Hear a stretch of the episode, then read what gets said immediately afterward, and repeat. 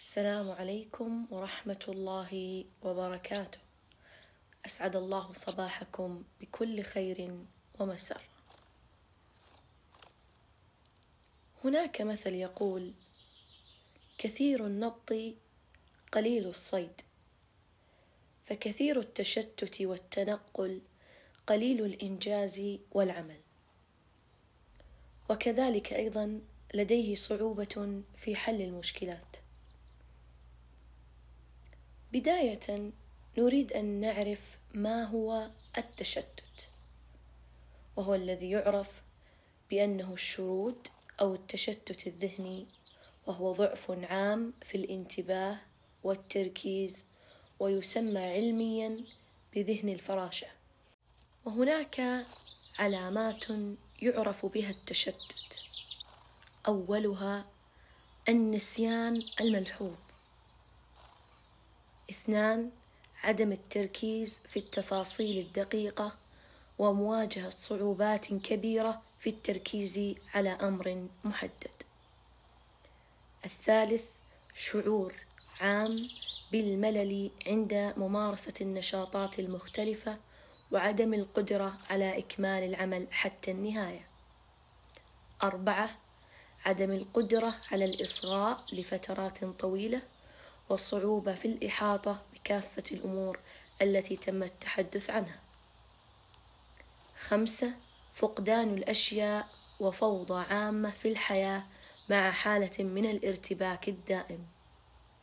ستة صعوبة التخطيط وتحديد الأولويات مع شعور بالقلق والتوتر المستمرين. السابع صعوبة في التعامل مع المشاكل المختلفة وكذلك التحدث بكثرة والاندفاع الكبير مع النشاط الزائد. وسوف أعطيكم أمثلة على عدم التركيز. ومن ضمن الأمثلة أنه عندما تحاول أن تركز يبدأ ذهنك في السرحان وتفكر في أشياء عشوائية ومتشتتة لا علاقة لها في المكان أو الأشخاص من حولك مثال آخر عدم القدرة على حفظ الأسماء وحفظ الأرقام أو حتى عندما يصف لك شخص مكان لا تستطيع أن تصله إلا عن طريق الخرائط حتى وإن كان قريب. أيضا مثال آخر عدم القدرة على الإنصات لشخص أو القيادة بدون سرحان. أو حتى عدم القدرة على الخشوع في الصلاة. طبعا مسببات التشتت كثيرة، ولكنني حصرتها في ستة أسباب. أولها طريقة العيش الحديثة السريعة. اثنان طريقة التصفح الآن للموضوعات اليومية، فلم تعد صحف وجرائد تقرأها على مهل بل منشورات رقمية سريعة الحركة. أيضا كثرة استخدام المشتتات وهي كما نعرف التلفاز والهاتف والآيباد واللابتوب ومن هم على شاكلتها.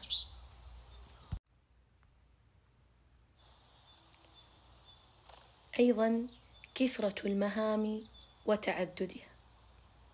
وكذلك التوتر والقلق.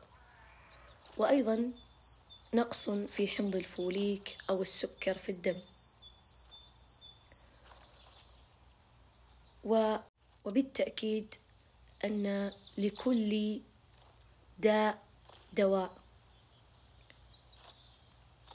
وعلاج التشتت يا أصحابي هو ترويض الذهن بأدوات الدماغ. كالألغاز والمسائل الرياضية. أيضا عندما تستمع لشخص ما وهذا يعني تمرين جميل أنه عندما تستمع لشخص ما حاول أثناء الحديث عد أحرف الكلمات التي يقولها الشخص المقابل بشكل سريع. وأيضا أثناء التمارين الرياضية لا تضع سماعات وحاول أن تركز على العضلة التي تعمل عليها. وأيضا نوصي بترك الهاتف بعيدا قدر المستطاع. وأيضا محاولة قراءة الكتاب لفترة طويلة في البداية. ستشعر بصداع وملل ولكن مع الوقت بإذن الله ستعتاد ذلك ويكون نقلة بإذن الله إلى شدة التركيز. هناك تطبيقات معينة أيضا آه، في الجوال أنصحكم بها. مثل مصفوفة رافن وديفرنسز وأيضا شعلة وأعتقد أنه مشهور. لأنه أهم مهارتين لابد أن يمارسها الشخص هي الاستذكار والملاحظة. وهذا إن شاء الله. إن اتبعتم ما ذكرت مع الوقت سوف تحصل على دماغ وعقلية نظيفة بإذن الله. ولا يعني يقلق الشخص فالنسيان نعمة في بعض الأحيان أو التشتت. كما قال آه، الشاعر والأمير خالد الفيصل يا نعمة النسيان يا رحمة الله. لولاك أنا عزاه وش سويت؟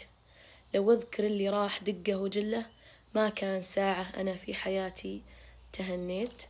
وهذه مشكلة شائعة وحلها بإذن الله يسير وبسيط. وأنصح في استكمال المعلومات اللازمة من الأخ الموجود في تويتر اللي اسمه تركي البدر. وأسأل الله لي ولكم التوفيق بإذن الله.